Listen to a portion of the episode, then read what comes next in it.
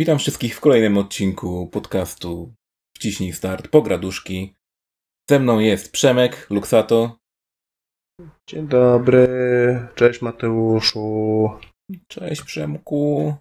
Dzień No dobry. i ogólnie, ogólnie to są po, pograduszki, można powiedzieć. Ja jestem osobiście w stanie jeszcze chyba wskazującym, bym, myślę, że bym wydmuchał troszkę jeszcze procentów. E, więc e, w ogóle nagrywamy też w bardzo niestandardowej godzinie. Wcześniej. Dziś ze względu na porę, która zdecydowanie jest wcześniejszą niż wszystkie poprzednie, kiedy kręciliśmy, e, nie będziemy się upadlać, bo niektórzy dziś, tak jak ja, będą pracować jeszcze, także... Yeah. Mam nadzieję, że będziesz dążył do tego, żeby świat był lepszy. E, w twojej pracy. Bo przecież wszyscy pracujemy do tego, żeby świat był lepszy w jakiś sposób. No ale e, to, o czym byśmy chcieli dzisiaj powiedzieć, e, mamy kilka tematów przygotowanych. E, ja chciałbym się wypowiedzieć na temat e, review bombingu, bo to jest jakby taki dość nośny ostatnio temat. Deweloperzy bardzo lubią atakować właściwie odbijać każdą krytyczną ocenę jako review bombing.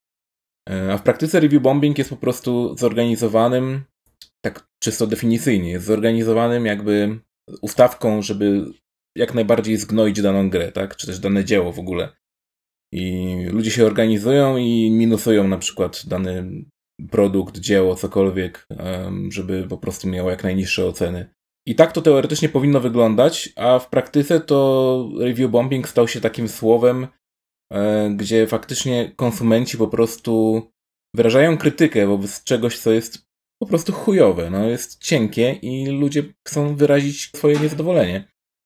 I w tym momencie deweloperzy blokują im tą możliwość, bo stwierdzają, o to jest review bombing. No te wszystkie negatywne Mhm. opinie na przykład na pewno jest review bombing. I tak było między innymi z Falloutem 76 ostatnio. E, tak było między innymi z Doomem.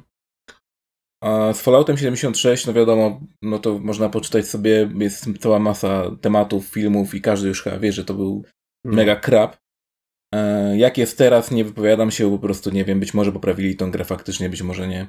E, Problem jest w tym, że ludzie na przykład na Steamie, bo to głównie się działo na Steamie, e, Valve bardzo ma ostrą politykę wobec review bombingu właśnie.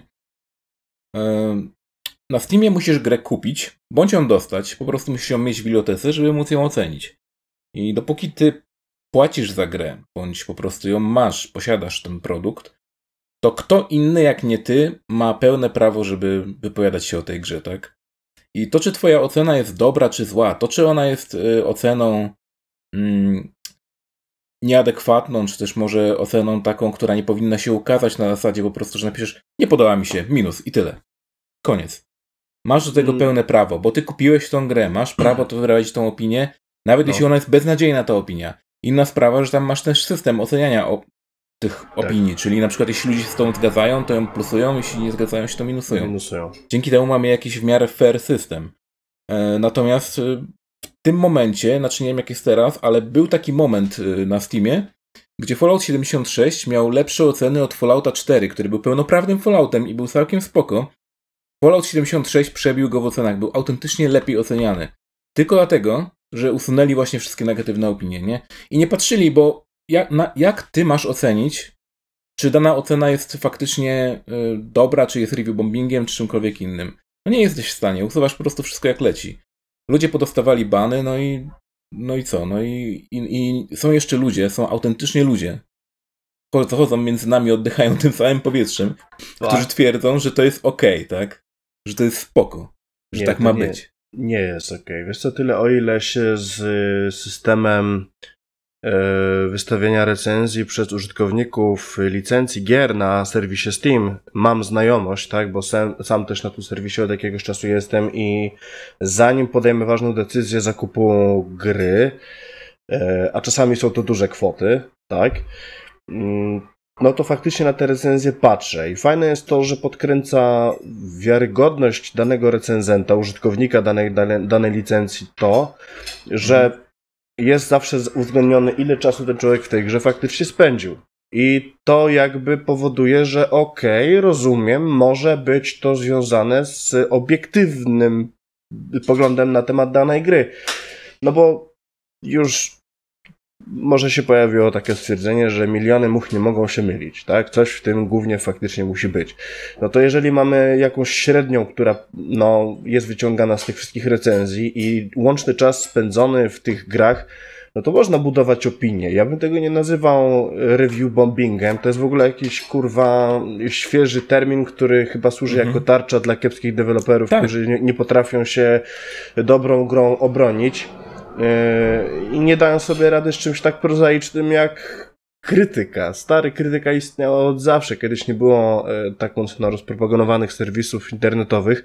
Mieliśmy e, recenzje w postaci czasopism, tak, które wychodziły tak.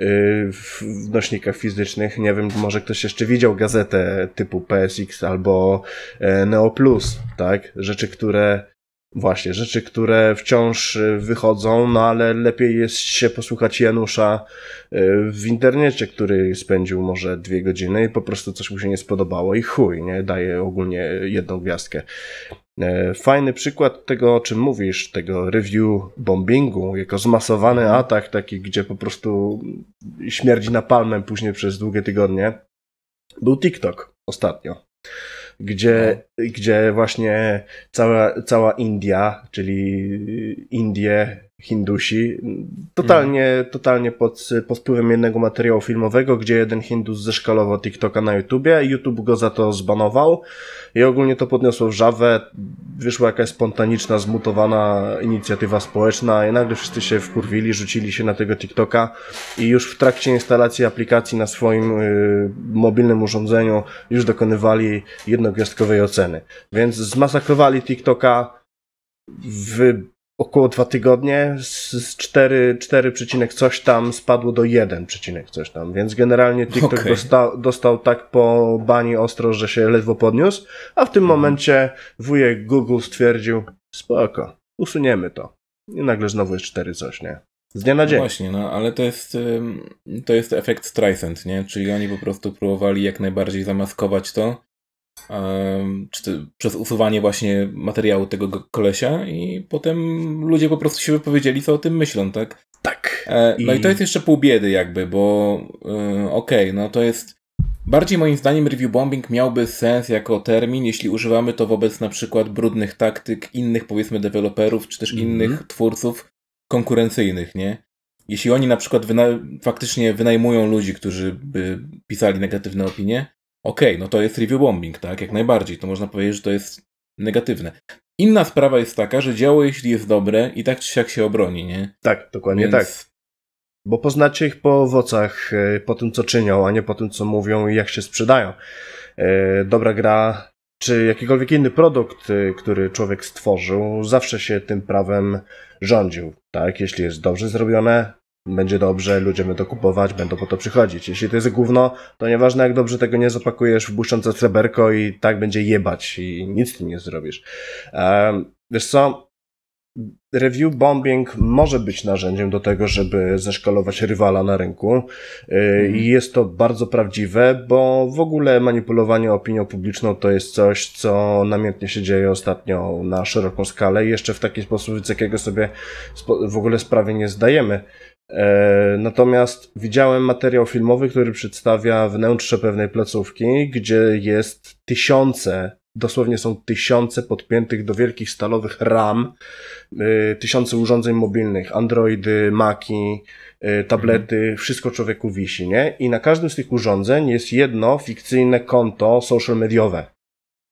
Tak? Gdzie są podpięte różne aplikacje, w zależności od tego, co trzeba zbustować albo zeszkalować, tak? I po no, prostu... Far, farmy lajków tak zwane, nie? Tak. I wiesz, można wydać większe pieniądze i na przykład opłacić jakiegoś wyjebanego recenzenta czy youtubera, e, gościa, który ma no dużą siłę, jak to się nazywa, wpływu na innych, tak? Jest takim content kreatorem, który ma duży wpływ, influencerów, tak? To są, tak. to jest ta siła opiniotwórcza. Zanim się ludzie ustawiają w kolejce, bo się identyfikują z jego zdaniem, czy też po prostu lubią go i pójdą za nim, bo tak, nie? Bo se kurwa tak wymarzyli. E, I w ten sposób też duża ilość opinii jest po prostu kupiona. Skoro można kupić opinię pozytywną, to na pewno można też kupić opinię negatywną, albo zapłacić za to, żeby ona zniknęła. I, i stary w tej sytuacji ciężko jest naprawdę już podeprzeć się czyjąkolwiek opinią w dzisiejszych czasach. To już jest praktycznie niemożliwe, bo nigdy nie wiesz, czy to zostało kupione, czy zostało sfabrykowane, tylko po to, żeby produkt był e, dopchany i żebyś się spieniężył, nie? Przez twoje... Tak, tym bardziej, że właśnie jest problem w tym, że nie zawsze, a w większości nawet, to, to nie jest oczywiste i nie dają na przykład na samym początku um, czy też właśnie zdjęcia na Instagramie, czy czymkolwiek, nie jest tam nigdzie napisane, że ej, oni mi zapłacili, żebym reklamował ten produkt i tu go macie, nie? Bo gdyby to było napisane, to raz, że zasięgi jego by spadły no. od razu, a dwa, to po prostu no, ludzie by uznali, że okej, okay, no reklama i tyle. To jest kolejna reklama, którą przewijam i lecę dalej, nie? No i ludzie tego nie chcą, dlatego ten social media marketing w tym momencie wygląda jak wygląda, tak? Wygląda tak, że płacimy po prostu influencerom za to, żeby oni reklamowali nasz produkt. No i to nie jest y, ok w żadnym tego słowa jakby rozumieniu, no bo to nie jest po prostu czysta zagrywka, tak? Ten influencer nie reklamuje tego, bo on faktycznie to lubi, czy faktycznie tego używa. Ostatnio widziałem e, też na Instagramie, troszkę sobie przeglądam właśnie, tam też rzucam jakieś swoje zdjęcia i czasami sobie przeglądam i faktycznie ktoś, kogo, kogo tam śledzę, na przykład e, jakaś e, influencerka e, od fitnessu tam między innymi, nie? Mhm. No i ona na przykład reklamowała jakieś suplementy diety I tak sobie myślę, hmm, czy ona faktycznie tego używa, żeby jakby osiągnąć powiedzmy sylwetkę tam, którą sobie zaplanowała, czy coś w tym stylu, nie? Oczywiście, że nie. Bo potem jak wejdziesz sobie koniec końców, czy tam zaczniesz grzebać troszkę głębiej, to okazuje się, że ona po prostu używa jakichś produktów, które zostały zlecone przez jakichś dietetyków, bądź yy, przez po prostu plan yy, twojego ćwiczenia, tak? I nie patrzy zbytnio na to, czy to jest dana marka i czy ona naprawdę spali, spalisz na przykład cały tłuszcz biorąc jedną tabletkę dziennie, tak, no, hmm. no to nie jest okej okay po prostu I, i nie podoba mi się to, że tak, tak wygląda w tym momencie marketing, no ale no niestety musimy z tym żyć i myślę, że świadomość ludzi troszkę się też pogłębia i ludzie zaczynają właśnie rozumieć, że i to jest właśnie ten review bombing cały, bo ludzie zaczynają rozumieć, że są po prostu robieni w konia, nie? No. przez tych wszystkich ludzi i po prostu sami próbują coś z tym zrobić, tak? No ja też mam nadzieję, że te osoby, które teraz są z nami i tego słuchają, jakby przekażą wątek dalej i przestaniecie dawać się po prostu dymać bez masła, tak? Bez waszej świadomości. Także sprawdzajcie po swojemu. Jak złotnik. Choćby uszczyp i przekonaj się, czy to, z czym masz do czynienia, jest faktycznie dobre dla ciebie. Nie sugeruj się opinią osób, których totalnie nie znasz, bo randomy z internetu, wiadomo, to są randomy.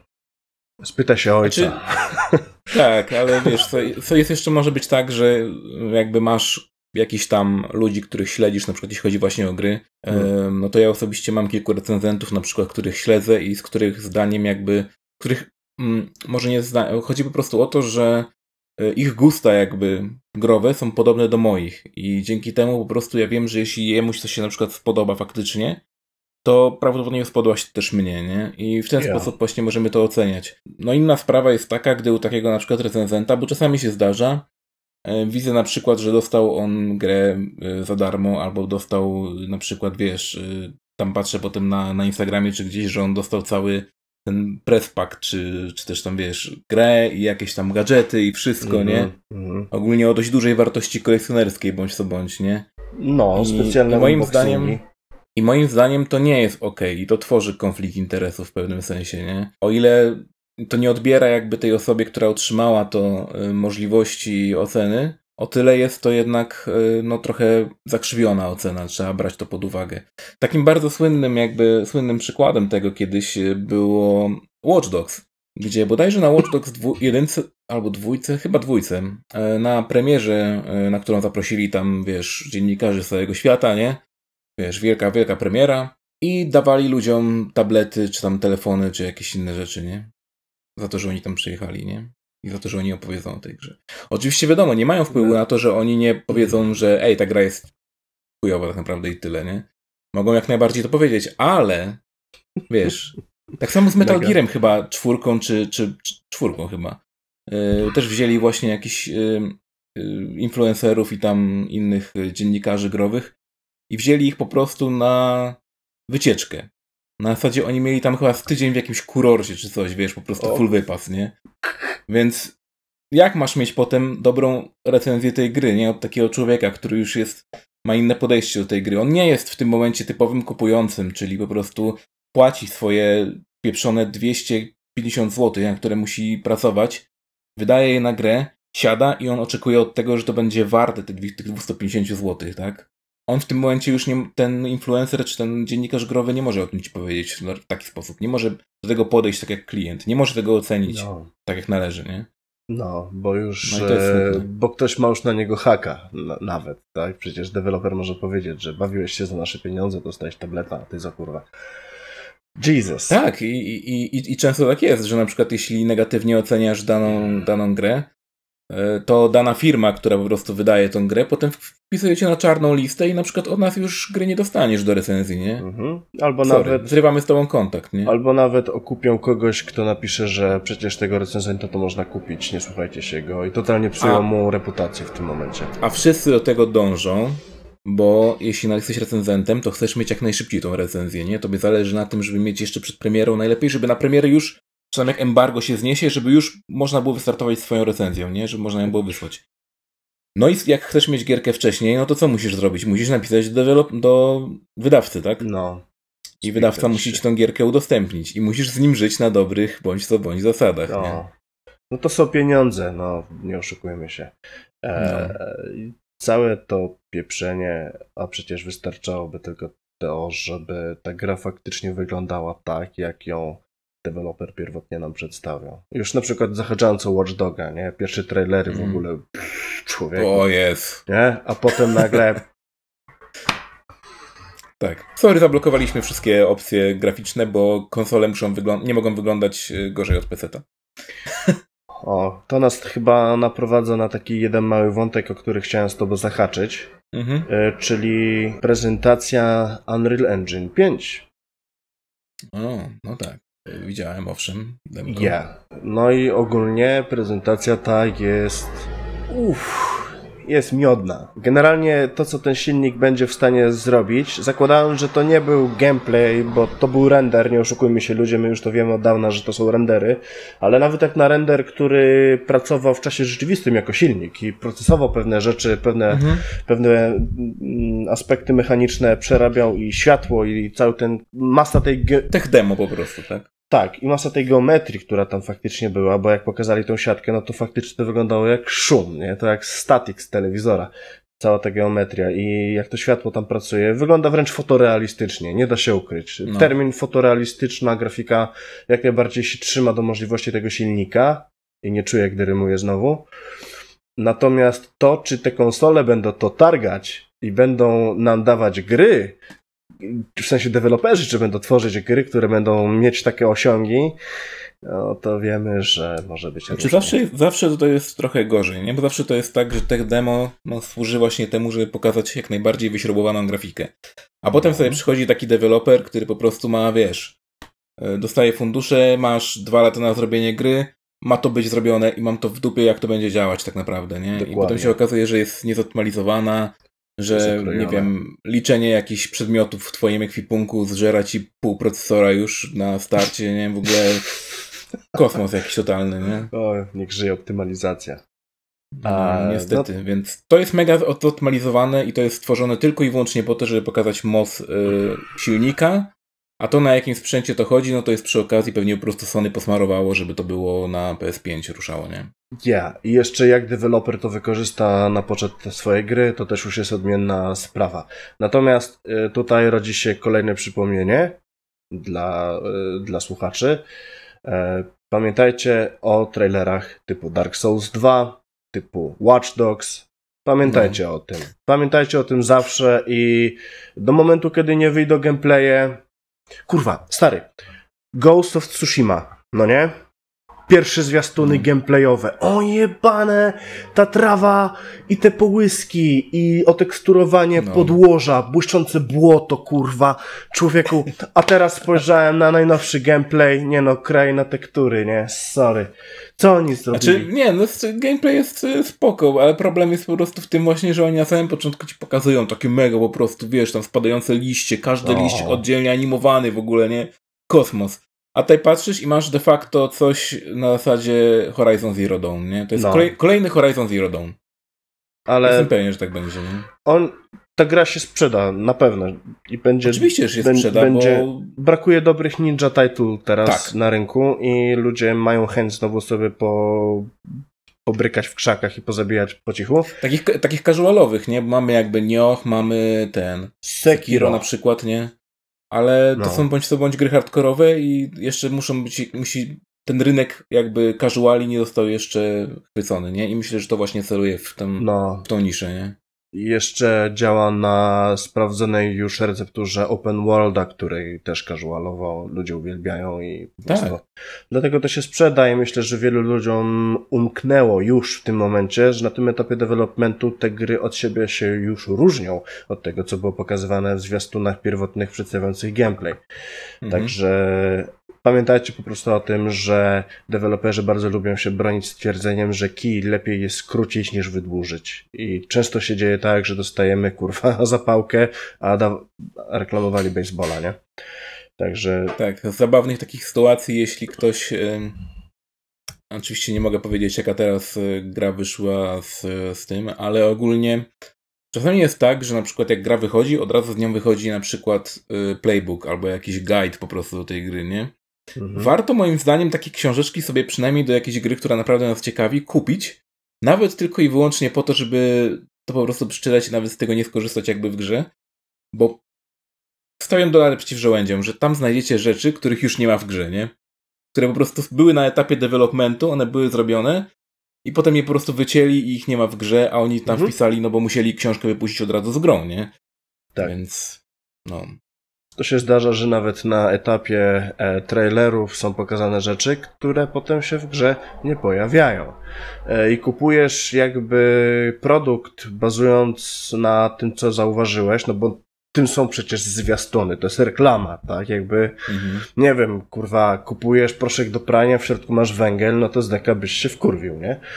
Na tym, polega, na tym polega pokazanie zalet produktu w reklamie i w trailer jest dokładnie tym samym, jeśli chodzi o rynek. I to, co chciałem powiedzieć odnośnie okrojonych rzeczy, gra, ostatnio, w którą ostatnio się zresztą namiętnie zatapiam, czyli Hunt Showdown. E, mhm. W pierwotnych trailerach tej gry pokazywano mm, taki jeden mały bajer, ale ten bajer jakby stanowi dowód tego, że deweloper leci w chuja i nie chce się przyznać do tego, że ma problemy finansowe i nie stać ich na to, żeby po prostu yy, zrobić to tak, jak pierwotnie obiecali. Mówię tutaj o Cryteku, tak? Czyli mhm. o le legendarnym kurwa paprotniku crysisowym. I pokazali dual wielding, nie? Czy masz dwa rewolwery, możesz jesteś kurwa rewolwero. E, I w starej roadmapie tak? Roadmap dla tych, którzy nie wiedzą, to jest po prostu rozpis tego, co planujemy zrobić i co obiecujemy wam dać w tej grze w trakcie jej rozwoju na etapie developmentu. Zakładam, że gra jeszcze jest w early accessie, ewentualnie gra będzie update'owana na bieżąco, co jest bardzo popularnym mm. i modnym zjawiskiem obecnie. E, I w tej roadmapie było dużo innych rzeczy też uwzględnionych, rzeczy, które się już miały pojawić, ale się już nie pojawią, bo roadmapa została z dnia na dzień potajemnie zmieniona na inną i wiele kontentu po prostu wsiąkło. Nie ma. I, i ile, ilokrotnie biorę udział w devstreamach tego dewelopera i pytam się, co się stało z tą mechaniką, którą obiecaliście? Co się stało z dual wieldem, który był już na pierwszych zwiastunach, a teraz udajecie, że to jest community request że to jest, to jest community request, ale w pierwszych zwiastunach już to pokazaliście. Więc kurwa, co wy robicie? W ogóle to jest dla mnie to, co oni z nami robią, to, to jak nas okłamują często, to jest wielki ból dupy. Zresztą ten, kto słucha tych, e, tych audycji pograduszkowych, wiedzą, że boli mnie serce i często się wylewamy tutaj z Mateuszem z tego właśnie powodu. E, jest to temat, który dlatego warto jest tym bardziej maglować i wracać do niego, żeby się nie dać e, zrobić. I naprawdę chwała Bogu, że są tam tacy normalni youtuberzy, którzy jakby po prostu sobie grają w te gry i nagrywają gameplaye. I na podstawie gameplayu, gdzie już masz produkt wydany, gotowy, on już jest taki, jaki jest, mhm. tak?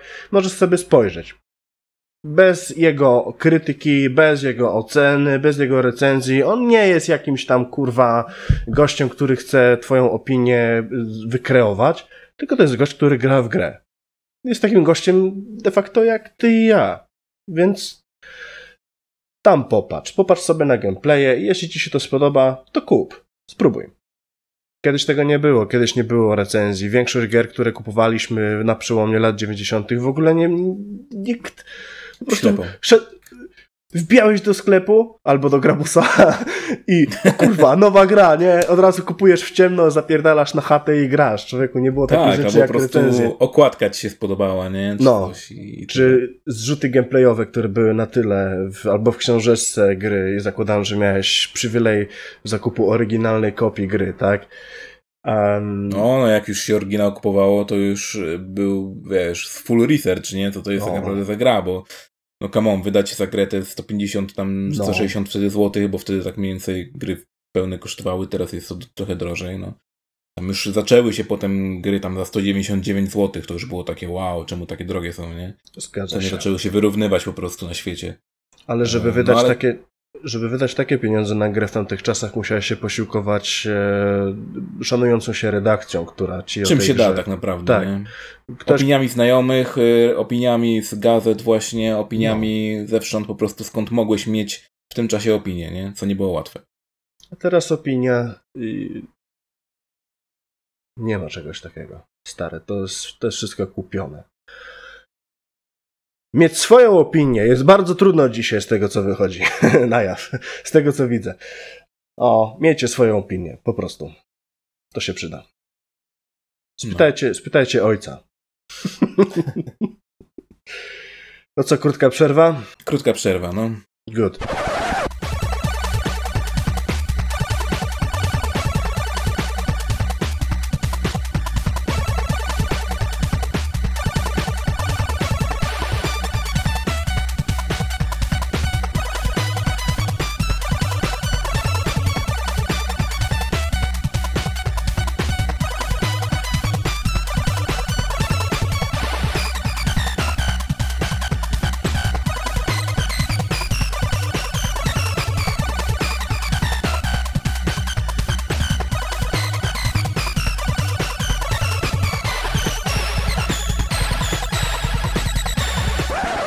To witamy w takim razie z powrotem po przerwie. Bardzo krótkiej przerwie. Bardzo Teraz... krótkiej przerwie. Ja się zdążyłem przebrać w międzyczasie. No ja też. No, patrz, jak, jestem, jak, jak przypadek. Jestem w trybie nocnym. Ach. Tak, jeszcze gwoli wyjaśnienia, no to mieliśmy śmieszną sytuację. Już co, no mój internet jest jaki jest, niestety, no. Muszę jakoś działać wokół tego. O kurwa, nie gadaj. jeszcze, jeszcze pies szczeka. No. No, to sobie nagraliśmy w takim razie. No i tak. Pies i odkurzacz to nie jest dobre połączenie, gdy nagrywa się podcast. Hmm, no ale niestety work from home nie możemy w tym momencie iść do naszego studia, więc jest jak jest. Poczekaj, tak. do studia. No. no, fajnie by było. Wracamy do programu. No, w tym momencie e, troszkę nam się, że tak powiem, wszystko posypało, bo myśleliśmy, że no, to będzie trwać po prostu dalej, a tymczasem jesteśmy tutaj 11 godzin później. Już po pracy. To tak, no to praca pracą, e, no ale mamy Dzień Dziecka. I w związku z tym, że mamy Dzień Dziecka, to ja bym chciał, żeby nam firmy też kiedyś zrobiły taki Dzień Dziecka. I gry z naszej przyszłości E, żeby zostały przeniesione jakby w nowe realia. I to się częściowo dzieje, bo jakby mamy na przykład e, gry typu Spyro, czy tam jakiś Crash Bandicoot, czy coś, oni tam robią tego remake'i. Hmm. No ale myślę, że każdy ma jakieś swoje własne gusta, jeśli chodzi o gry i każdy z nas w dzieciństwie grał w coś trochę innego. Ja bym się chciał dowiedzieć właśnie na przykład w co ty grałeś w dzieciństwie, a co chciałbyś, żeby było w tym momencie zremasterowane.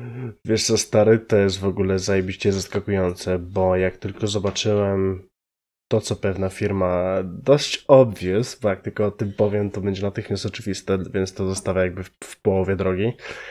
E, grałem sobie w taką grę. To był gdzieś przełom, może lata 2000-2001, kiedy jeszcze w moim domu była PlayStation 1. Stary szaraczek poczciwy, którego potem tobie oddałem, żebyś się rządził i zrobił z niego fajną, sensowną donicę. I, Dosłownie, no. E, I wtedy grałem sobie w taką jedną fajną grę i grając w nią wyobrażałem sobie, kurwa, może w przyszłości ktoś kiedyś zrobiłby drugi raz tą grę i można byłoby sobie spojrzeć na przykład jak na ścianach by się mózgi tych zombiaków rozpierdalały, a tu proszę bardzo, wychodzi remake Residenta trójki. Więc w pewnym sensie moja lista życzeń, jeśli chodzi o gry do remake'u się realizuje, ta lista się spełnia. Eee, zabawne jest to, że właśnie w momencie, kiedy zobaczyłem, że już robię remake'a dwójki, to przypomniało mi się to wspomnienie z dawnych lat, kiedy tak sobie myślałem o tych rezydentach starych, jeszcze kiedy w nie grałem. Eee, a potem jak zobaczyłem trójkę, to czyli tak, to, to już się stało. I teraz jeszcze Final Fantasy VII też doczekał się remake'u. -hmm. O, to już w ogóle wyjebało mnie z laczek. Z laczków? Z laczek? Z kapci. Z jednego laczka mnie wyjebało. Nie, ale ogólnie dla mnie taki Dzień Dziecka już ma miejsce od bardzo dawna. Także jeśli chodzi o moje jakieś tam zachcianki z dawnych lat.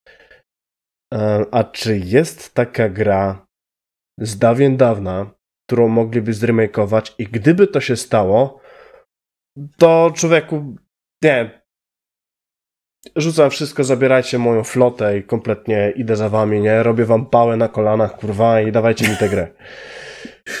I chyba wiem, która, bo jakby, znaczy, może nie wiem do końca, ale jest jedna gra, której nie powiedziałeś, a wiem, że ją bardzo lubisz, więc pozwolę ci dokończyć. Vagrant Story. Tak. To jest, to jest, a mam ciarki, to jest właśnie ta gra, to był kamień milowy na mojej drodze jako um, jakiegokolwiek content kreatora, człowieka, który ogólnie tworzy jakieś scenariusze, wymyśla sobie w głowie jakieś różne historie. Bo sposób, w jaki Vagrant Story zostało przez Squaresoft, jeszcze ówczesne Squaresoft, e, zostało napisane, ta gra po prostu jest mistrzostwem. To jest mega, mega zajebiście napisane praktycznie wszystko.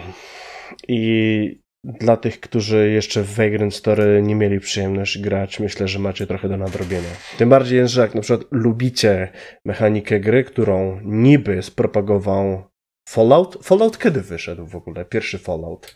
Fallout? No. O cholera, no bardzo dawno temu. A bo tam myślisz, była... które było pierwsze, tak? No, no nie wiem. Tak. Widzisz, nie, bo Parasite Eve było chyba prekursorem, jeśli chodzi o mechanikę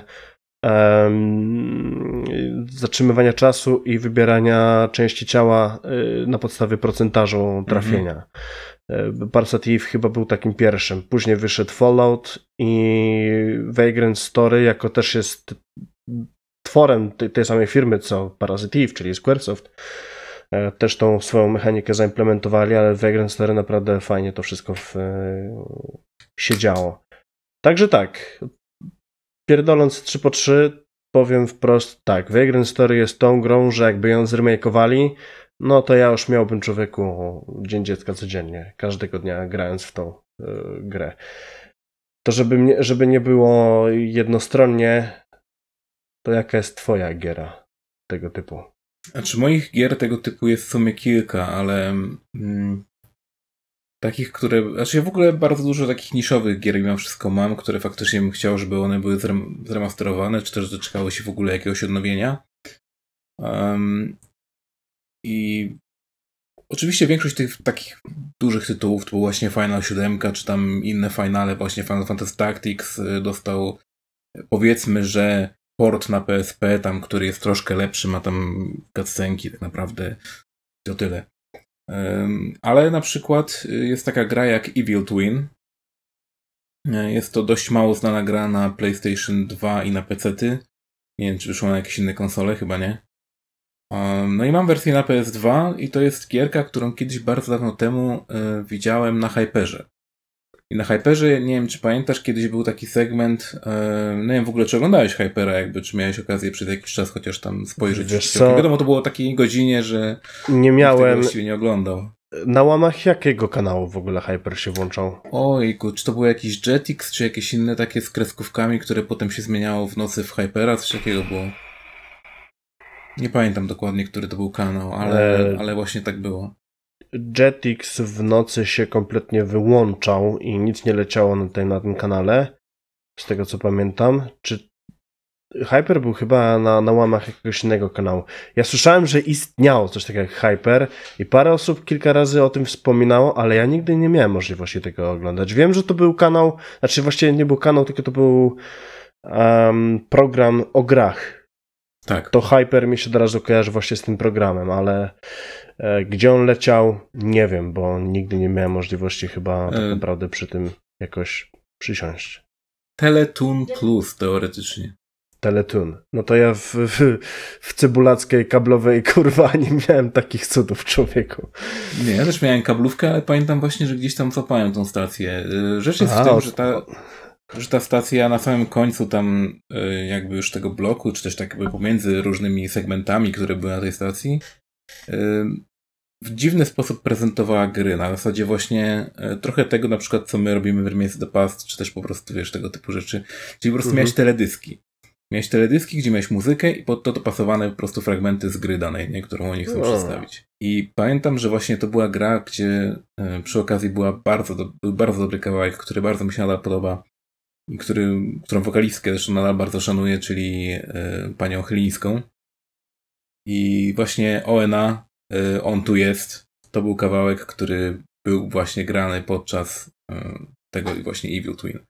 I ta gra mnie na tyle właśnie zainteresowała tylko i wyłącznie tym, że ja po prostu codziennie ją widziałem na tym kanale, że po wielu latach, już kiedy dawno była PS3, kupiłem tą grę, ograłem ją i stwierdzam, że cholera, czemu ta gra nie jest bardziej popularna? Chcę, żeby ona była odnowiona.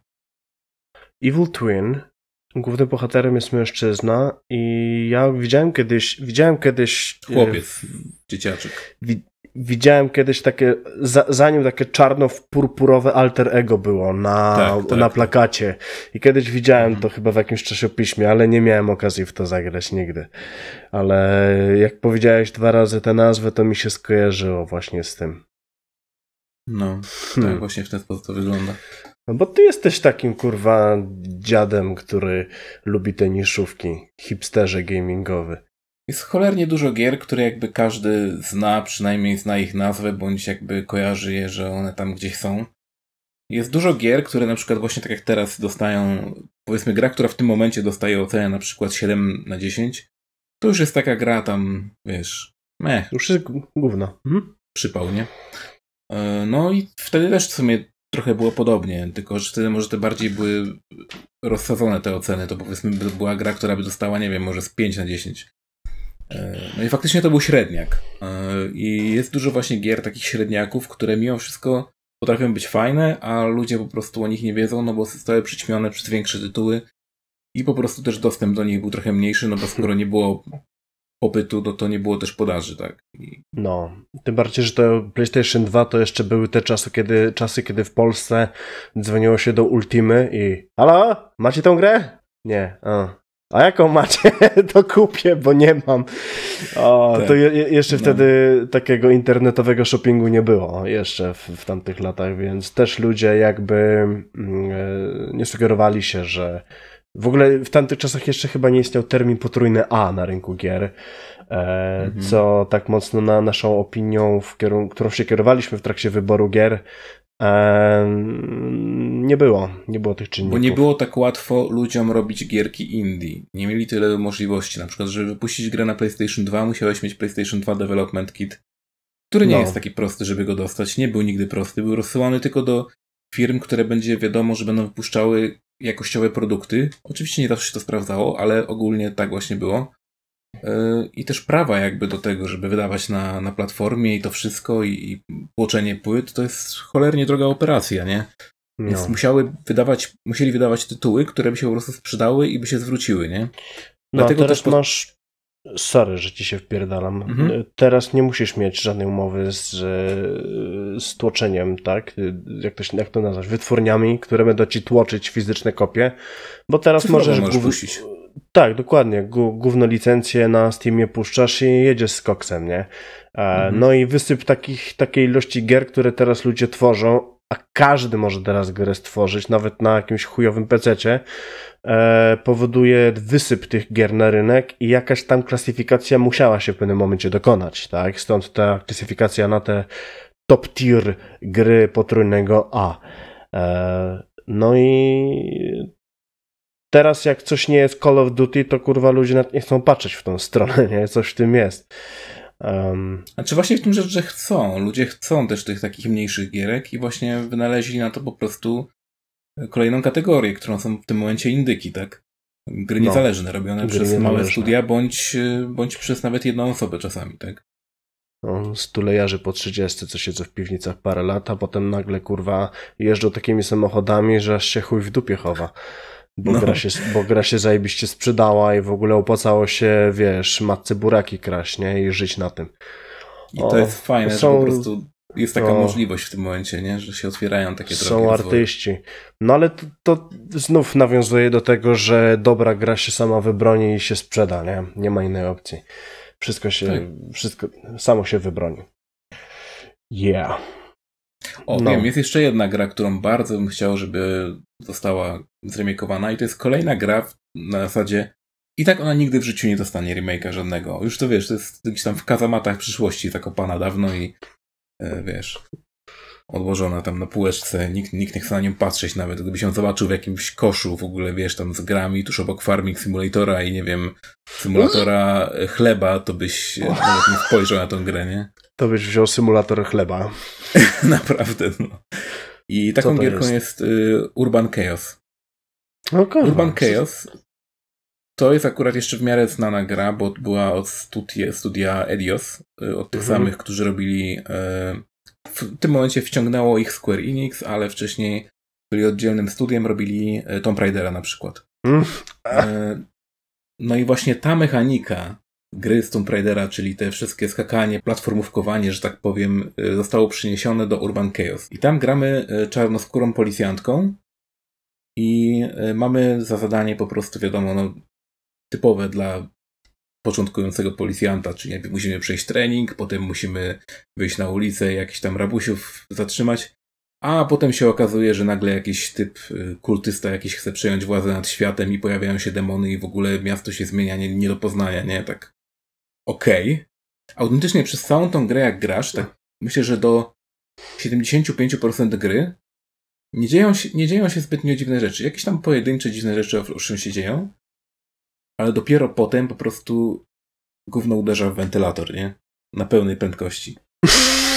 I zaczynają się dziać rzeczy typu jakieś kutulu dosłownie jest przyzywane, nie? W ogóle inferno dookoła wszędzie i ty musisz przejść przez miasto i jakoś tam zaradzić, ratować ludzi w ogóle, nie? Szalone. E, gierka w każdym razie właśnie przez to, że miała ten sprawdzony system z e, tego, z, z Tomb Raidera i miała bardzo fajne Aha. mechaniki, na przykład e, zatrzymywania uciekinierów, czy tam zatrzymywania rabusiów, że jak na przykład kogoś powaliłeś na ziemię, to mogłeś go zakuć w kajdanki i nie musiałeś zabijać, nie? Więc miałeś jakby dwa tryby przejścia gry, jak powiedzmy, nie? Czy mogłeś autentycznie po prostu strzelać do każdego jak typowy policjant, jak zobaczy czarnego w Ameryce, Albo mogłeś do każdego podchodzić, zakuć go w kajdanki i tyle, nie? Jak typowy amerykański policjant nacisnąć kolanem mu na szyję, aż umrze. Tak. O Mogłeś to zrobić. Wszystko gry spowodowały. No to Minneapolis to jest taki urban chaos trochę w tym momencie, nie? No. Jebane. Żeśmy na to zeszli przez przypadek.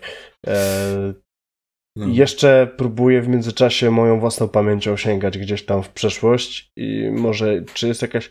Jest jeszcze jedna fajna gra, którą fajnie byłoby zobaczyć w remake'u, a nawet dwie bym powiedział, które są ze sobą e, powiązane fabularnie, czyli Chron Chrono Trigger i Chrono Cross. Myślę, że też dwie takie fajne giery z dawnych lat, które mm, które jednak tak samo jak twoje pomysły raczej pozostaną w, w sferze fantazji.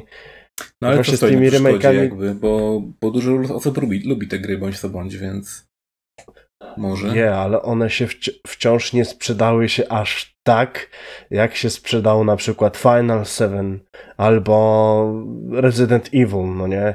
To nie są aż takie produkcje i właśnie o to chodzi.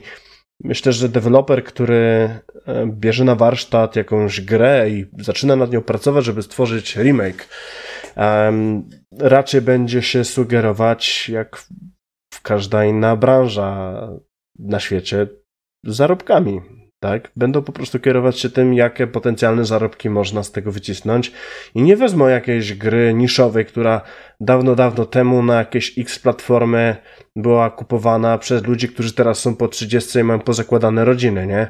Bo to nie może wygenerować aż tak dużego dochodu, jak gry, które jeszcze gdzieś na przełomie lat 2000 się dobrze sprzedawały, i po 20 latach jeszcze może będzie duże grono tych osób grających, tych młodych dorosłych, którzy będą chcieli odciąć ten kupon od sentymentu i po prostu wydać kolejne pieniądze, żeby przeżyć coś, co kiedyś przeżywali być może z nadzieją, że znów będą czuć te same emocje, które wcześniej ich rozpierdalały, kiedy sobie grali w te gry za dzieciaka, tak? Ale na te niszowe tytuły raczej bym nie liczył, bo potencjalnie nic mhm. nie stoi im na drodze, nie? No ale chcieliby tak, zarobić. No. no. wszystko jest jednak jakimś, jakimś kosztem obarczone, nie? To nie jest oczywiście za darmo, że oni puszczą grę no. w tym momencie na przykład z PlayStation 1 i na PC ta od tak po prostu wiesz, kopiuj w klej, nie?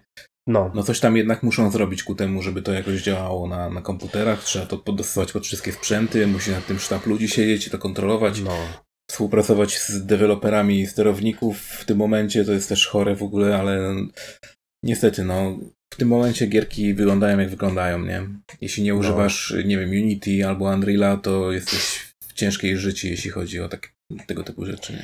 Zgadza się. No i ludzie, którzy nad tą grą się dłubią, potrzebują mieć chleb, tak? Więc taki na przykład Daruś mm. to też musi dostać pieniążki, jak będzie siedzieć i robić grafikę. To wszystko kosztuje, tak? Więc oni muszą wiedzieć, że ta gra po prostu zarobi. Dlatego odświeżają gry, które się świetnie sprzedawały, tak? No i myślę, że taki Trochę to przypomina to, co się dzieje na rynku muzycznym. Nie wiem, czy z muzyką w ogóle. No, jak każdy, jak każdy człowiek muzykę słuchasz, nie? Ale mhm. nie wiem, czy się zastanawiałeś nad tym i czy zauważyłeś, że z muzyką się dzieje coś takiego, że jest. Yy, jakieś tam nurty muzyczne sobie powoli idą, one się rozwijają, czy też mają swoje rozgałęzienia, różne odmiany. E, I nagle z tego wyłania się taki jeden zajebisty nowy gatunek, który w ogóle rozpierdala. Na przykład taki Linkin Park, jak powstał, taki new metal, metal no, no nie? No. Albo Korn, albo um, dubstep jak powstał, tak? I y, mhm. Sonny Moore, znany jako Skrillex, zaczął robić tą muzę i wszyscy natychmiast pod, podłapali patent i zrobił się taki boom. A później nagle to one dalej się rozwijają a w międzyczasie w mainstreamie powstaje takie chujowe zjawisko remixów, no nie, i robienia coverów. I jacyś DJ-e wykopują kurwa numery z lat 80. albo 90., do których ludzie mają jakiś tam sentyment, robią te kurwa e, covery, remixy i to tak znowu taki, taki kurwa marazm trwa sobie przez parę lat, a potem znowu nagle jest pyk, wychodzi jakaś nowa, świeża perełka, nowy gatunek muzyczny, e, nowy prekursor, który po prostu wyznacza nowe kierunki i nowe trendy. I myślę, że na rynku gier dzieje się dość podobnie. Znów mamy teraz taką fazę, gdzie czekamy aż wejdzie next gen. No nie, bo teraz już się zbliżają nowe konsole na rynek Powoli już się, już się tworzy miejsce na nich, żeby mogli wparować, jak CBS o poranku. E, I do tego czasu jeszcze będą ludzie starali się wycisnąć ostatnie soki z bieżącej generacji konsol. platform i po prostu robią te remake'i, bo zobacz, ile, ile już kasy oszczędzisz na designerach, tak? Albo na scenarzystach, tak. na, no nie? No. Już to już w twojej kartotece jest ca cały pomysł na grę. Jedyne, co musisz zrobić, to po prostu przełożyć to na bieżące trendy, dojebać grafikę, systemy cząsteczek, wrzucasz do tego jeszcze, kurwa, e, ten, jak to się nazywa, ray tracing człowieku i, i giereczka, giereczka frunie, nie? E, I to jest trochę słabe, że jakby grafika w dzisiejszych czasach definiuje bardziej sprzedawalność niż gameplay, dobra, dobra, dobra fabuła i yy, ogólnie jakaś taka głębsza metafora płynąca z gier. I to chyba otwiera tak naprawdę nam teraz e, drogę do naszego ostatniego wątku, który chcieliśmy dzisiaj mhm. tak naprawdę podjąć, czyli dlaczego grafika jest ważniejsza niż gameplay. Niż gameplay, tak. No, czy grafika jest ważniejsza? No, Grafika w tym momencie jest bardzo ważna. Jeśli robisz grę, to owszem chcesz, żeby ona wyglądała jak najlepiej, tak? Szczególnie jeśli celujesz w jakiś fotorealizm, bądź masz ludzkie postaci, tam wiadomo, że chcesz, żeby one wyglądały jak najlepiej. Okej. Okay. E, problemem jest natomiast to, moim zdaniem, że ludzie coraz bardziej pchają te 4K, nie? Wiesz, żeby jak najwięcej pikseli upchnąć na ekranie i nie zastanawiają się nad tym, że koniec końców mamy, jak to Ubisoft lubi mówić, Cinematic Experience, czyli 25 klatek i wiesz, i to blokowane i to koniec, nie? E, no nie. E, jak gram w grę, to jak chcę, żeby gra nie była filmem, tylko żeby gra była grą i żebym ja miał e, jakby żeby ona była responsywna. I moim zdaniem to, że gra jest responsywna, determinuje też framerate tej gry. Jeśli klatkarz jest niski, to czujesz, jakby było, jakby było opóźnienie na wszystkim, co, co ty robisz, nie? Uu, Dosta dostałeś. Dostałem kolki trochę, no wiesz, zapas energii. Wiesz co, to, że akurat... A, też masz, łobuzie. Wiesz co, to, że klatkarz jest istotnym elementem, to poznałem się właśnie przy tobie, jak pokazałem ci Armored Core 4 for Answer, którym ja się jarałem doszczętnie, a ty jak mi pokazałeś zobaczyłeś po prostu spadek klatek w momencie, kiedy się walczyło z bossem, który o był, Boże. kurwa, ten boss był przeogromny. Tam się działo tak dużo rzeczy naraz, że ten procesor po prostu jebał fasolką po bretońsku, a ja kompletnie nie zdawałem sobie z tego sprawy. No i dopiero właśnie w wyniku konfrontacji z tobą, człowiekiem technicznie bardziej oczytanym niż ja, zrozumiałem, że to faktycznie e, też ma ogromny wpływ i od tamtego czasu u mnie na ekranie mojego komputera, jak gram, cały czas jest licznik FPS-ów włączony. I też czuję, że nowotwór się zmniejsza, kiedy ten klatkarz jest faktycznie... Tak, no. To jest potwierdzone naukowo, że oglądanie ma materiałów, które mają 60 klatek lub więcej, cofa nowotwór. Autentycznie po prostu możesz wyleczyć człowieka dzięki temu. I no. jak myślisz, dlaczego w szpitalach ludzie się źle czują? Bo mają telewizor, a w telewizora, w telewizorze mamy zazwyczaj filmy w 25 klatkach. Stary to... I to się wszystko łączy, ja ci mówię, to jest wszystko połączone ze sobą. Jest, to jest moja, moja teoria. Jak są, są takie szpitale, które właśnie chcą zaoszczędzić na lekach, to dają ludziom Armored Cora, żeby sobie pograli. Umieralnia, kurwa. Tak, to już Um, Ostatnie pożegnanie. Ale nie, jeśli chodzi o Armored Core, no to problem na przykład był, był z tym, że na PS3 ta gra bardzo źle chodzi. Po prostu. Wszystkie gry z serii Armored Core. Yeah. Inaczej. From Software w ogóle jest znany z tego, że oni nie potrafią optymalizować gier. I szczerze mówiąc, mają to trochę w dupie. E, wszyscy, którzy grali na PlayStation 3 na przykład w Demon Souls, w Dark Souls, tam to wiedzą o co chodzi, nie? To jest totalny dramat. E, no ale tak, ale z Armored Core właśnie było podobnie i problem był w tym, że na przykład na Xboxie 360 te gry chodzą naprawdę dobrze. Właściwie Forancer przez większość czasu trzyma 60 klatek na Xboxie. I to jest takie, dlaczego tego nie zrobiliście w takim razie na PlayStation 3, który jest technologicznie znaczy jest trochę inny, owszem, ale jakby osiągami są, jest dość podobny, tak? To jest sama generacja konsol. Ja no. mogę mieć mniej, nie wiem, mniejszą rozdzielczość, mogę mieć mniejsze detale, a ja chcę mieć 60 klatek, nie? No i fajnie było, gdyby tak wszystkie gry wychodziły z takiego założenia, ale ostatnio właśnie jest też nowa drama, powiedzmy, że drama e, z Xenoblade Chronicles. Mm. I to jest RPG od e, Nintendo. I ten sobie fajna. RPG, ten sobie RPG wyszedł właśnie na, na Switcha. I on wcześniej już był na Wii, wcześniej był też na Wii U. Teraz wyszedł po prostu taki właśnie zremasterowany, poprawiona grafika, poprawione tekstury, poprawiony model postaci. 4K. No nie, bo Switch nie potrafi wyciskać 4K w żaden sposób, nie? Nie masz takiej możliwości w ogóle, ale. Mm, ale tak, ludzie się dziwią, że na przykład ta gra y, ma 720p w trybie zadokowanym i poniżej 720p, bo tam nie wiem jaka dokładna jest rozdzielczość, ale jest w każdym razie niższa niż 720p, czyli natywny wyświetlacz Switcha. Mhm. E, to ta niższa rozdzielczość właśnie jest w trybie przenośnym. No i moim zdaniem mimo wszystko to wygląda całkiem nieźle, bo jakby te wszystkie filtry, które są tam nałożone i ten po prostu trochę jest taki bardziej rozmazany powiedzmy ten ekran, nie? Można tak powiedzieć, jakby był odrobinę nieostry. E, UI i wszystko jest cały czas w 720p, ale tylko renderowanie jest po prostu w niższej rozdzielczości, nie?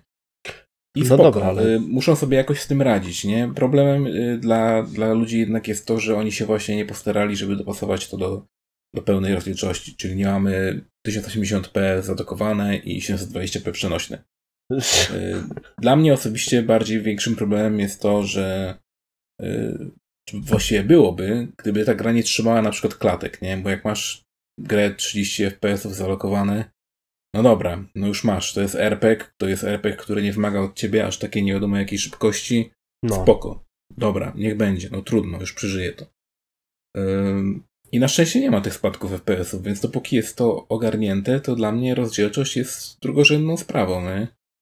I ludzie właśnie trochę nie rozumieją też tego i yy, na przykład też taka powiedzmy, że prawie drama była, jak pewien youtuber, yy, być może bardzo znany, w sensie ktoś tam kto nas ogląda może go znać, nazywa się Yongie. I to jest koleś, który mówi o y, różnych newsach z branży growej. I ostatnio mówił właśnie o y, Valhalla, o tym y, nowym Assassin's Creedzie. Mhm. I żalił się właśnie, że oni powiedzieli, że będzie 4K 30 FPS-ów, nie? A on mówi, że no dobra, ale ja nie chcę tego 4K, tak? Ja chcę grać w grę w 60 klatkach po prostu. Jeśli mam mieć, móc mieć taki wybór, to ja wolę mieć mniej pikseli na ekranie, a wolę mieć płynniejszą no. rozgrywkę po prostu. I fajnie by, i nawet podobno właśnie nie chcą dodać opcji, być może dodadzą teraz, skoro już jest taki, takie natarcie, zobaczymy, ale nie chcieli dodać opcji po prostu właśnie wyboru, bo na przykład są gry typu e, The Last of Us, które na PS4 hmm. zremasterowane, jak masz e, PlayStation 4 Pro, to masz wybór, czy chcesz, żeby było zalokowane 30 e, klatek 4K, e, czy chcesz 1080p, ale odblokowane klatki masz, właściwie się trzyma na 60 non stop, nie? Ja bym od razu uderzył w klatkarz, bo płynność płynność animacji też powoduje, że odbiór tej gry, taki czysto użytkowy, jest po prostu przyjemniejszy. Oczy się tak nie męczą. I co z tego, że patrzysz na zajebistą grafikę, jak to jest człowieku power, w PowerPoincie wszystko zrobione, nie? Chociaż w sumie nie wiem, czy powinniśmy się wypowiadać o klatkarzu, gdy nagranie z tego z tego jakby ten podcastu jest w siedmiu klatkach na sekundę, tak? E, no, bo to jest kurwa Skype, to jest po prostu miłość w czasach no. zarazy, niestety. Jakoś trzeba sobie radzić. Jakbyśmy siedzieli tak. u ciebie w studio na green screenie no. E, i mogli ustawić kamerę, to byłaby inna bajka, nie? E, zobaczymy. No, spróbujemy może zrobić tak, żeby za miesiąc właśnie nagrać studio. Może się uda. Wiesz, oczywiście y, Jagerek będzie grany i wszystko inne tego typu. Yeah, boy. E, no ale tak, ale wracając do tego, no to mam nadzieję, że nowa generacja konsol, która się tak bardzo chwali tym, że jakie ona tam nie będzie miała osiągi, oczywiście tam wiesz, machina marketingowa ruszyła pełną parą i oni nas zalewają teraz informacjami, jaki to nie jest super szybki dysk SSD i jaki to nie jest super, super grafika. No ale właśnie tym się, teraz do, tym się teraz dociera do człowieka, tak? Pierdolniesz mu takie mocno spopularyzowane przez e, marketing terminy jak 4K, e, bardziej tacy już gra, gracze ograń, ograni w, w temacie e, zwrócą uwagę na klatkarz, na geometrię, na ray tracing, na wszystkie te fajne procesy, które w silniku zachodzą, bo oni wiedzą o tym. To już jest dla bardziej zainteresowanych. Natomiast będą używać takich terminów jak 4K i będą starali się na tym coś ugrać hajsu. W dzisiejszych czasach zobacz, y, jakby gracze kupują te gry, bo bardziej szukamy chyba takiej typowej rozrywki, stymulacji, która po prostu ma miejsce tu i teraz. Nie, nie lubimy jakichś super mega rozkminek. Nie reklamuje się już gier świetną fabułą, ani mm, Zobacz, na przykład jest opcja. Kojarzysz reżyserów, jak chcą filmy, no nie? No. Bo film jest medium y, do przekazywania fabuły, do przekazywania historii. Więc jeżeli jest jakieś popularne nazwisko reżyserskie albo scena, scenari, scenarzysty, który napisał do tego bebechy wszystkie, no nie? To zauważ, że często w zwiastunach i na plakatach filmowych masz te nazwiska widoczne. A jak pokazują ci grę, to nie mówią ci, że ta fabuła, historia została napisana przez na przykład y, J.R.R., y, który robił kurwa grę o Tron, co ostatnio Miyazaki zrobił do Elden Ringa, no nie? To jest pierwszy raz, kiedy w trailerze autentycznie ktoś powołał się na kunszt pisarski. Tak? I to powoduje, że osoby, które bardziej kierują się w wyborze gry e, historią i fabułą i tym, co gra głęboko gdzieś tam w tobie e, różne rzeczy robi, oni na to zwrócą uwagę. Ale w większości zwiastunów, które są na rynku, nie, nie, nie ma nawet nazwisk ludzi, którzy pisali fabułę człowieku. Nie ma, nie ma tych dyrektorów, tak?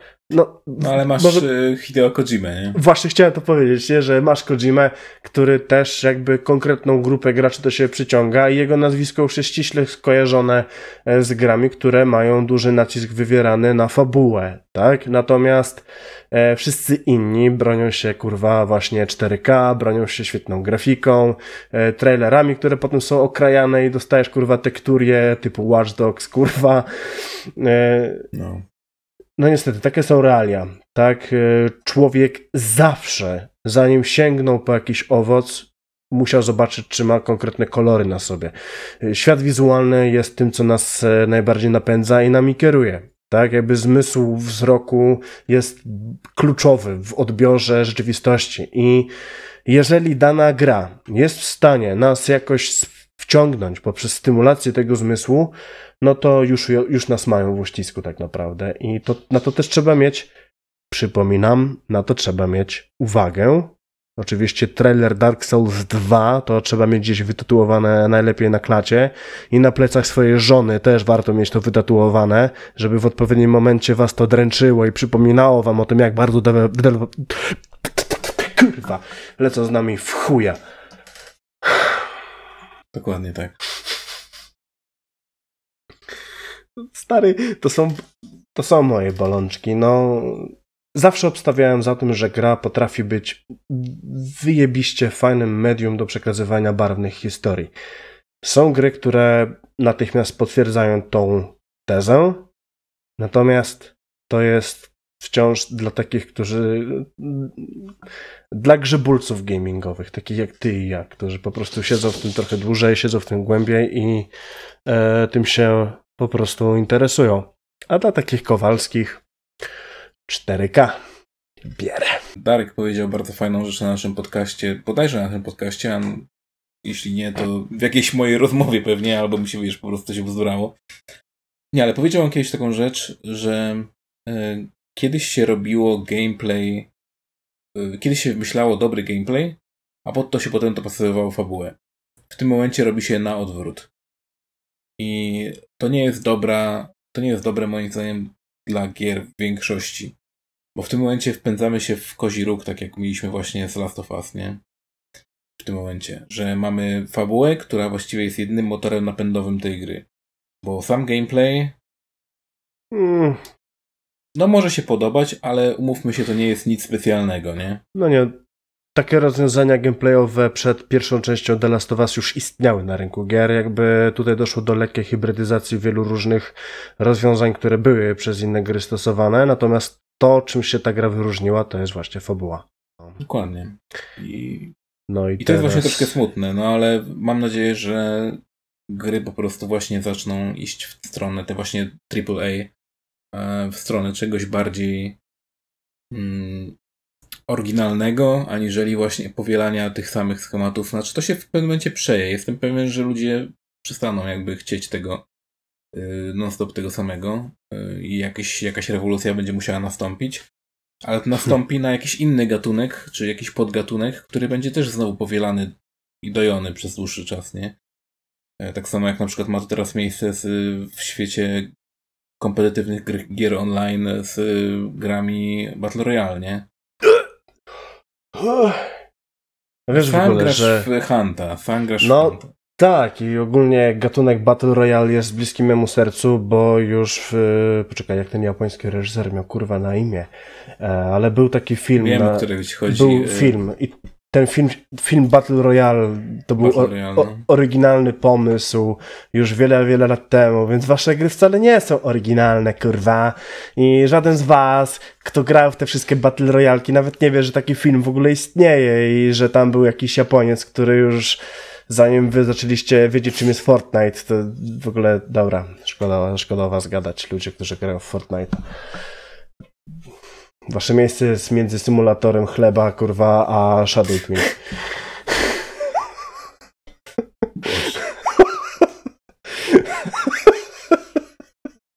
Symulator kromki chleba, naprawdę, to jest to jest właśnie szczyt Start tego. się sprzedało. Szczyt gameplayu. To już jest. Ja nie żartowałem. To jest. Więc jakby widzisz, jak w tym momencie kształtuje się przemysł gier definitywnie gry y, sprzedają się dobrze i są na naszych językach wtedy, gdy mają w sobie to coś. To może być świetny gameplay, to może być zajebista fabuła, to może być mix, to może być jakiś y, styl wizualny, chociażby okami, kurwa. Okami po... mm, mm. Ta gra miała w sobie no. wszystko, co było świeże, chrupiące i przepiękne. Muzyka, szata wizualna. Już szata wizualna istniała tego typu, bo ta grafika już była wcześniej, przy, chociażby przez Dragon Balla i Street Fightera już używana.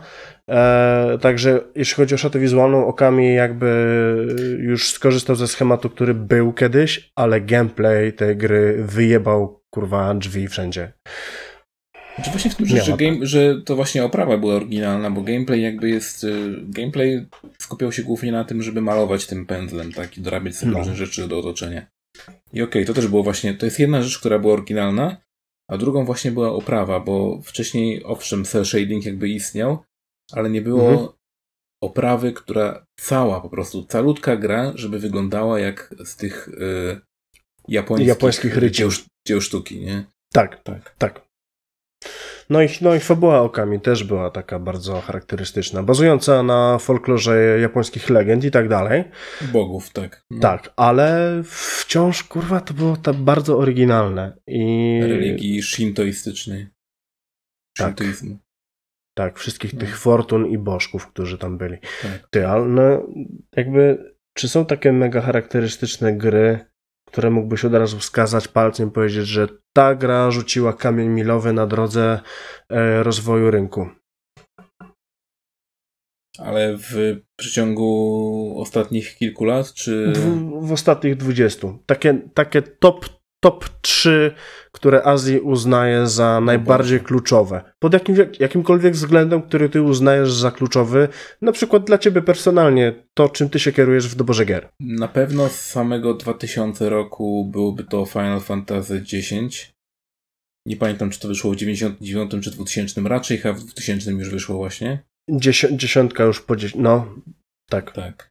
Po 2000. I, I właśnie to była dla mnie gra, która jeszcze cały czas udowodniła to, że można wycisnąć jeszcze coś więcej z turowej, turowej gry, tak naprawdę RPG. Bo już tak. w tym momencie RPG zaczęły odchodzić w stronę jakiejś właśnie, nawet sam, y, sam Square Enix zaczął odchodzić w stronę tych ATB, tych bardziej dynamicznych tam form walki. A tu mieliśmy zwykłą, starą po prostu turówkę, która zaskakująco dobrze się sprawdziła. Mieliśmy tak. całkiem ciekawy system rozwoju postaci, który można było abuzować po prostu A, tak, że to było sfir, Sfery grid. gridy. Zajebista no. rzecz, no. E, I to było fan po prostu. Autentycznie przywrócili fan do starej formuły, która e, w, nowej w nowych szatach, no, są nowe szaty króla po prostu.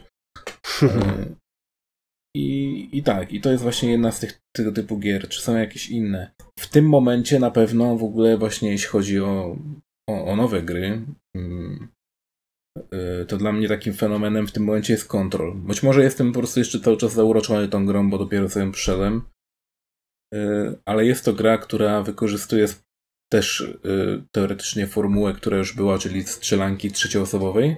Mhm. Tylko bawi się tą formułą w taki sposób, że masz bardzo dużo możliwości y, typu na przykład lewitacja, podnoszenie rzeczy z ziemi, rzucanie tymi rzeczami, rzucanie otoczeniem, manewrowanie otoczeniem. Y, to wszystko jest okraszone idealną grafiką, z ray tracingiem, ze wszystkim. Po prostu jest, wiesz, mega. Jest idealnie. I, I, dla mnie na przykład właśnie to pokazuje, że y, można zrobić naprawdę świetny gameplay, dobry pomysł na gameplay, bo nie, wcześniej nie widziałem czegoś takiego w grach. Tego typu pomysłu na gameplay, gdzie możesz kontrolować całe otoczenie, nim atakować, jednocześnie strzelając, jednocześnie mając y, postać w ten sposób jakby działającą. Więc to jest dla mnie coś nowego i fajnie, że po prostu się udało to połączyć z naprawdę świetną fabułą, nie? Hmm. Fabułą, która jest po prostu jest ponadprzeciętna. Mm, I nie bez powodu ta gra zresztą wygrała y, na The Game Awards, była nominowana chyba w siedmiu kategoriach, a wygrała oh. wygrała game design, w sensie czy tam art style, w sensie, że najlepszy tam, najlepsza wizja artystyczna i faktycznie tak jest. Mm. I to jest dla mnie mega gra pod tym względem. Mm, czy jest jeszcze jakaś? E, Devil May Cry. Nie wiem kiedy wyszedł pierwszy, ale myślę, że dla mnie taka trujeczka to jest taki jednak szczyt już mm, tego, co, tak. co, co osiągnęli, nie? U mnie też będzie Devil May Cry. I, I właśnie to, że to też jakby nie jest może totalnie nowa formuła, bo, bo tego typu gry też istniały. E, no ale opanowali do perfekcji to, co czyni po prostu grę fajną, tak? Tam autentycznie masz po prostu frajdę z grania w nią. I te wszystkie no. możliwości, które tam ci dali, żebyś ty mógł, wiesz, nabijać sobie te kombosy, po prostu, wiesz, hordy przeciwników, które tam są bullet sponge'ami po prostu, bo ich atakujesz, miotasz nimi, oni tam w ogóle, wiesz, są rozcinani na tysiące kawałków i dalej chodzą, nie? E, no tak, no i to jest, to jest właśnie świetne i, i dalej potem przez, te, przez tą grę wyszły potem gry typu God of War, typu um, nie wiem, Dante's Inferno, typu co tam jeszcze dalej takiego wyszło z, z tego daleko, daleko nie musisz patrzeć. Bayonetta, wszystko to, co. Bayonetta, właśnie. Tak. Wszystko to, co Platinum Games wypuściło, kurwa, ze swojej stajni.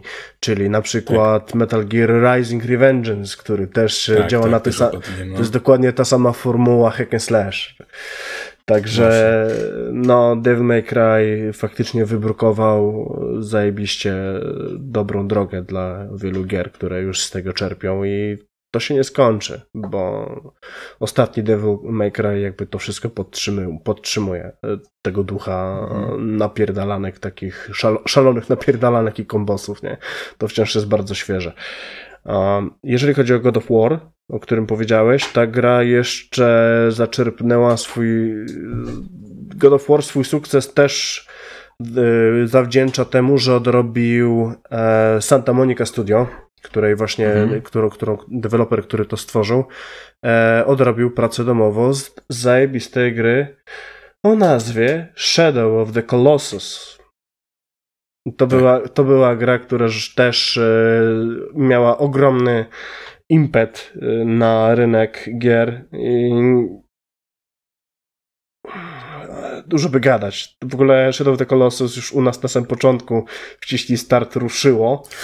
To był tak. sam, to sam początek i to trzeba kiedyś dokończyć i ja bardzo chętnie no. zrobię y, omówienie fabularne tej gry, bo jest przepiękna. Ona po prostu... Koniecznie.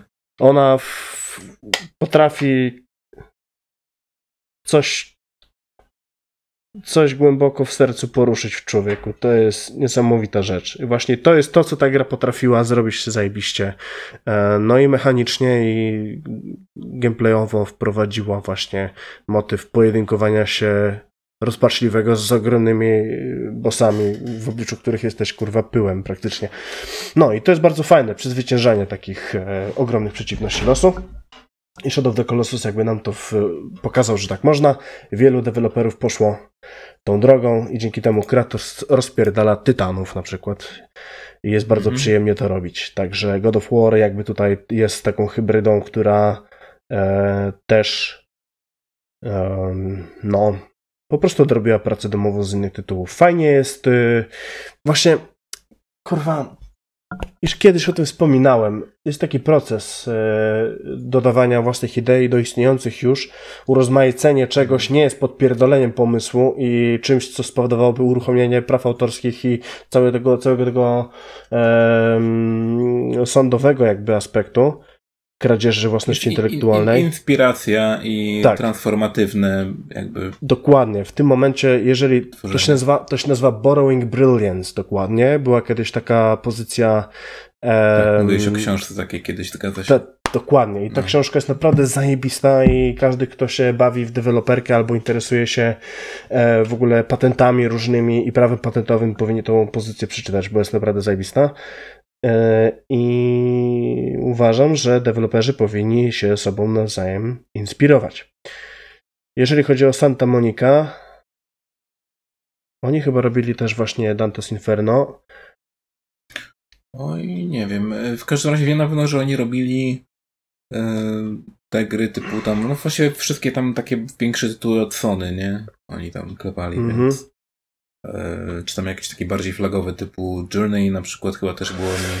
Właśnie, stary, chciałem to powiedzieć, bo z jednej strony mamy The Last of Us, które jakby zrobiło filmową fabułę. To jest coś, że jakby, tą grę jakbyś podzielił na same cutscenki, wrzucił ją w kinie, to człowieku ludzie by normalnie płacili hajsy za bilety, żeby wejść i to obejrzeć, bo to jest tak zajebiście mm. zrobione, że mógłbyś to oglądać.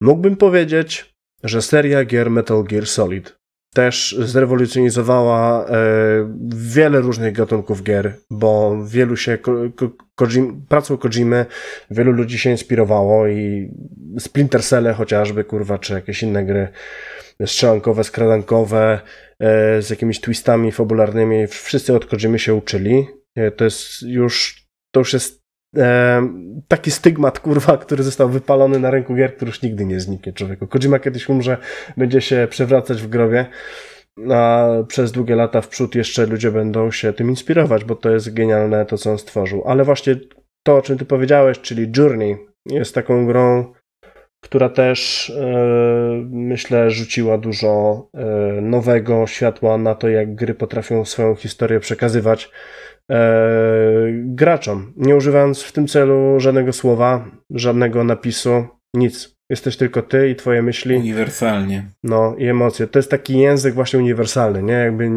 nie znający granic i osiągnęli to poprzez y, świetną wizualizację, muzykę, dźwięki.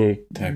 gameplay tak Najlepsze naprawdę. jest to, że y, każdy z każdej kultury, jakby na każdym końcu świata może w tą grę zagrać bez w ogóle no. tekstu, bez niczego, nie? Bo po prostu tam nie ma jakby Tam nie ma nic. Wszystkim, nie? Tam lokalizacja, Więc... jak zobaczyła tą grę, to się załamali człowieku, bo tam nie było co tłumaczyć. Tak, że tylko do przetłumaczenia mieli tylko napisy końcowe. Wiem, start, start, kontynuuj tak. i napisy końcowe, nie? Dokładnie.